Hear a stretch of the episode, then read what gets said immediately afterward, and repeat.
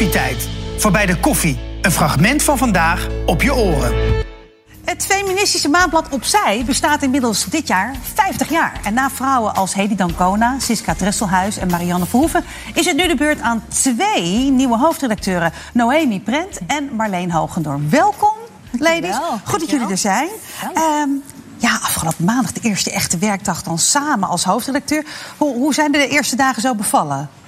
Nou, eigenlijk zijn we al eh, een tijdje bezig eh, achter de schermen van eh, Opzij. En begon afgelopen maandag eigenlijk als elke andere maandag. Ja, maar heb je niet niet, om negen uur 's ochtends aan de koffie eh, samen Je hebt toch wel zo. een ander gevoel nu omdat je echt hoofdredactie Ja, mensen doet? zeiden het ook wel tegen mij. Van, oh, gefeliciteerd, je gaat nu echt officieel Ja. beginnen. Maar zo voelt het voor mij niet. Want we zijn eigenlijk gewoon al bezig. Ja, ja. Ja, en we zijn ook. ehm, eh, we hebben geen fysieke redactie, zoals hier op, op Koffietijd.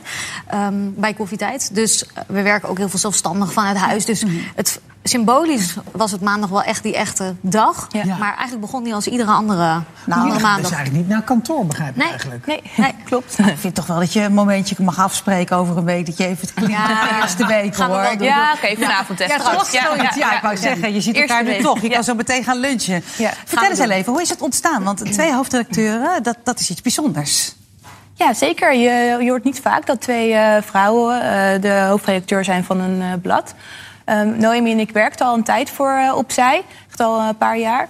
En afgelopen zomer is onze hoofdredacteur Marianne Verhoeven overleden. Ja. Ehm, ja, is heel naar gegaan. Ehm, het blad moest draaiende gehouden worden. En toen heeft de uitgever, haar man, Hans van Brussel... die ging op zoek naar, twee, naar een nieuwe hoofdredacteur. En toen kwamen wij bij hem op de koffie. En toen vroeg hij aan ons, willen jullie het gaan doen? Zo, Ja. geschrokken?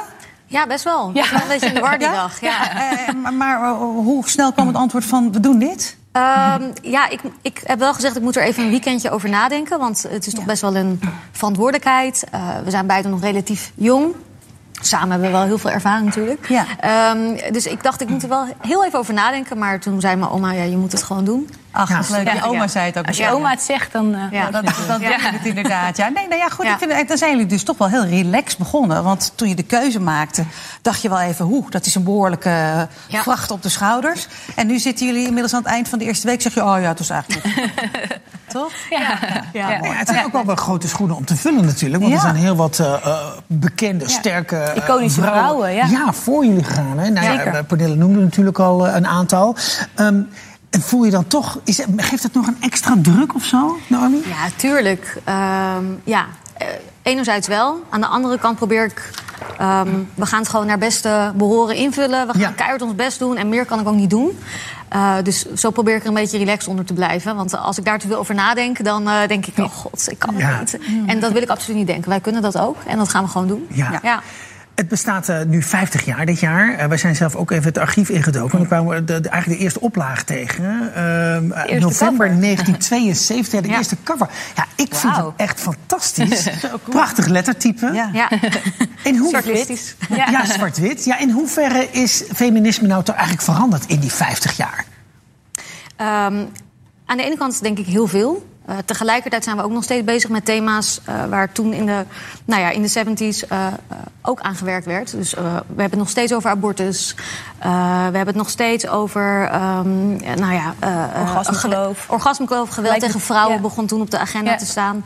Ehm, Gelijke betalingen. ja, Ja, tegelijkertijd dat was zijn er. toen ook al gewoon een topic. Ja, ja. ja, Ja. zeker. Dus, dus je ziet dat heel veel. Er zijn gewoon heel veel parallellen met waar we toen over hadden. Tegelijkertijd zijn er ook wel nieuwe thema's waar nu veel meer ruimte en aandacht voor is. Dus eh, de en hoe die samenhangt met het feminisme. Klimaat. eh, Daar was toen veel. Nou ja, dat kwam veel minder terug. Maar en, en vroeger, of tenminste, ik weet niet of dat nou ook een verschuiving is, gingen eh, vrouwen naar buiten, hè, de barricade op. Eh, En nu gebeurt er volgens mij ook best wel veel online, heb ik het idee. Ja. Is dat ook een verschuiving of iets? Ja, er worden nog wel women's marches eh, gehouden... waar eh, vrouwen en ook mannen nu aan eh, meedoen. Ja. Maar je ziet ook echt wel echt online, op Twitter en op Instagram, Facebook... dat die eh, social media echt gebruikt worden om eh, Ja. actie is te natuurlijk, voeren. Hashtag MeToo. Eh, Ja, zo is MeToo jaar begonnen, ja. natuurlijk eh, begonnen. Ja, zeker. Is dat een goede verschuiving, denken jullie? Dat het online gedeelte? Ja, ik denk ja en nee. Ja, goed, omdat dat, dat het makkelijker misschien is om, uh, nou, bijvoorbeeld bij MeToo, dat uh, die drempel uh, lager was om, om, Ja. om, iets aan te geven wat er bij je is gebeurd.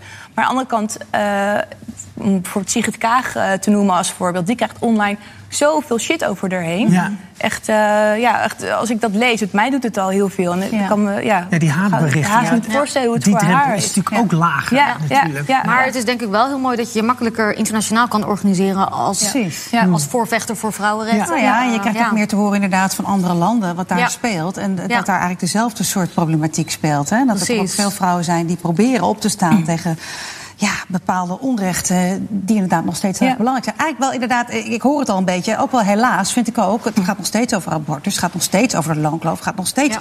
over de orgasmekloof. Eh, eh, die onderwerpen die blijven dus belangrijk Ja. om, om, om te betitelen. Alleen, ik denk wel eens, hoe kan het eigenlijk? Wat is jullie visie daarop? Dat, dat het ja, zo langzaam gaat. Dat je golfslagen toch telkens ziet in samenlevingen... waarbij uiteindelijk dan weer hup, een golfslag terug... en we gaan Ja. weer het over abortus hebben. Ja, Wat is ja. dat nou toch? Hij doet twee stappen vooruit Ja. en dan weer misschien drie achteruit. Ja. Eh, En ja, het politieke ja. klimaat Ja. verandert. Dus dat, Ja. dat- je ziet ook dat het daar sterk mee samenhangt. En dan gaat het wel altijd naar vrouwen toe, hè?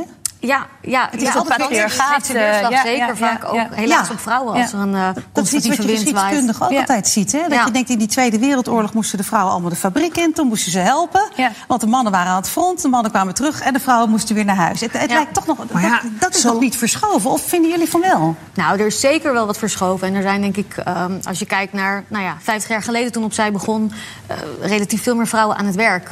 Eh, Ja. alleen in Nederland zie je dat het vooral vaak parttime is. Of dat ze nou ja, eh, heel hoog beginnen of meteen snel omhoog klimmen. Maar daarna vanwege kinderen bijvoorbeeld ehm, ja, minder snel carrière kunnen Ja. maken. Dus, Ja. nou ja. Eh, maar ik denk wel dat, er, dat we ook wel positief moeten blijven. Want anders Zeker. soms werd ik er ook een beetje moedeloos van. En dacht ik, nou, ik heb geen zin meer om me met vrouwenrechten bezig te houden. Want het schiet niet op. Nee. Ehm, maar het heeft echt wel zin. En er, gaan ook heel, er gebeurt ook echt heel veel wel. Nou, ik zou ook Ja. zeker zeggen dat het juist heel veel Ja. zin heeft. Maar daarom is er dus nog echt wel wat werk aan het winkel. Hè? Ja. Ook Ja. Een, soort, een soort misschien ja, bewustzijn wat wij nog moeten inhalen als vrouwen. Ja, Ja. ja. Ja, zeker. Interessant hoor. Nou, dan heb je oplagecijfer van, van 12.500 mensen, lezers van Ja. opzij. Dat maakt het niet altijd even makkelijk. Nee, het is een eh, lastige tijd in de tijdschriftenwereld. Ook heel erg voor opzij. We hebben een eh, kleine redactie, eh kleine, klein budget. Eh, maar we, wel, we werken met echt hele gemotiveerde mensen. Ja. Die eh, keihard eh, eh, ja, het feminisme levend willen houden. ja. Dus gewoon doorgaan. Ja. Blijven knoppen. Zeker. Ja, zeker. Nou, ik zat nog even te denken waar jullie het net over hadden eigenlijk. Want waarom het misschien niet verandert? Ja, zo- zolang eigenlijk de hele wereld een beetje wordt geregeerd door de witte heteroman. Ja. Ja, Want dat is eigenlijk het type wat eigenlijk heel veel bepaalt in, Zeker. in de wereld. En Ja. dus we zouden ook gewoon veel meer vrouwen... ja. Er moet veel meer inclusiviteit komen. Ja, Meer vrouwen politiek. Alle, Ja, op ja. alle fronten. Ja, Ja, anders Zeker. verandert denk ik gewoon. Zeker. Misschien niet trager. Maar goed, dat was Ja. even mijn, mijn dat is hersenschiet. waar. nu. Ja, dat is waar. Ja. Ja, zo. Ja, je Ja. moet vrouwen aan besluittafels hebben zitten. Ja. Ja, Want die, die zeker met dat soort issues van vrouwen. weet je, Ja, mannen praten over vrouwenzaken. Ja. Heel gek eigenlijk. Ja, ja, mannen verbieden. In, Amerika is het dan het geval. In Amerika is abortus door mannen verboden. Ja. Voor vrouwen. Ja, Ja. onbegrijpelijk. Maar ja, goed. En eh, het februari-nummer is natuurlijk het eerste nummer wat dan van jullie uitkomt. Hè? Wat, wat, wat, wat, kunnen we verwachten van dit nummer? We hebben veel aandacht voor Oekraïne. Als het blad uitkomt is het precies een jaar geleden dat Rusland eh, Oekraïne binnenviel. Dus we hebben veel interviews over Oekraïne. Eh, we geven ook veel aandacht aan Afghanistan. Eh, ja, want wat daar allemaal gebeurt op, het gebied van vrouwenrechten is ook heel, eh, ja, heel verschrikkelijk. Ja. Eh, daarnaast hebben we een artikel over ja, abortuspillen. Die nu, eh, het is nu zo, eerst kon je eh, voor een abortus terecht bij de abortuskliniek... en nu kan je ook bij de huisarts terecht voor een abortuspil. En wat de gevolgen daarvan zijn, dat bespreken we in het blad. Ja. En ook, eh, het is echt niet alleen maar een zware Nee. kost. Eh, Ik heb deze week koffie gedronken met Django McCroy bijvoorbeeld... voor onze rubriek Man over Vrouw. Mhm. Ja. Dus er staan ook nou, iets luchtige interviews, wel met diepgang in. Ja. Ehm, ja, dus het is niet alleen maar zwaar. Ja, of een eh, vrouw, jonge vrouw, ze is nog geen dertig... die meedoet aan de Ocean Race. Ja. Als een van de weinige Nederlandse eh, vrouwen. Ja, ja, ja, ja. Ja, ik vind het goed dat jullie twee jonge eh, redacteuren zijn, of redacteuren zijn. Weet je, Gewoon Ja. een andere generatie, andere blik op dingen. Dus eh, Ja. hartstikke goed, dankjewel. Dankjewel. Nieuws verankerling bij Yes. zijn. Ja. Mooi. Beluister ook onze andere podcast met iedere zaterdag om 10 uur de Week van Koffietijd. Iedere werkdag zijn we natuurlijk ook gewoon weer live met een nieuwe uitzending. Om 10 uur RTL 4.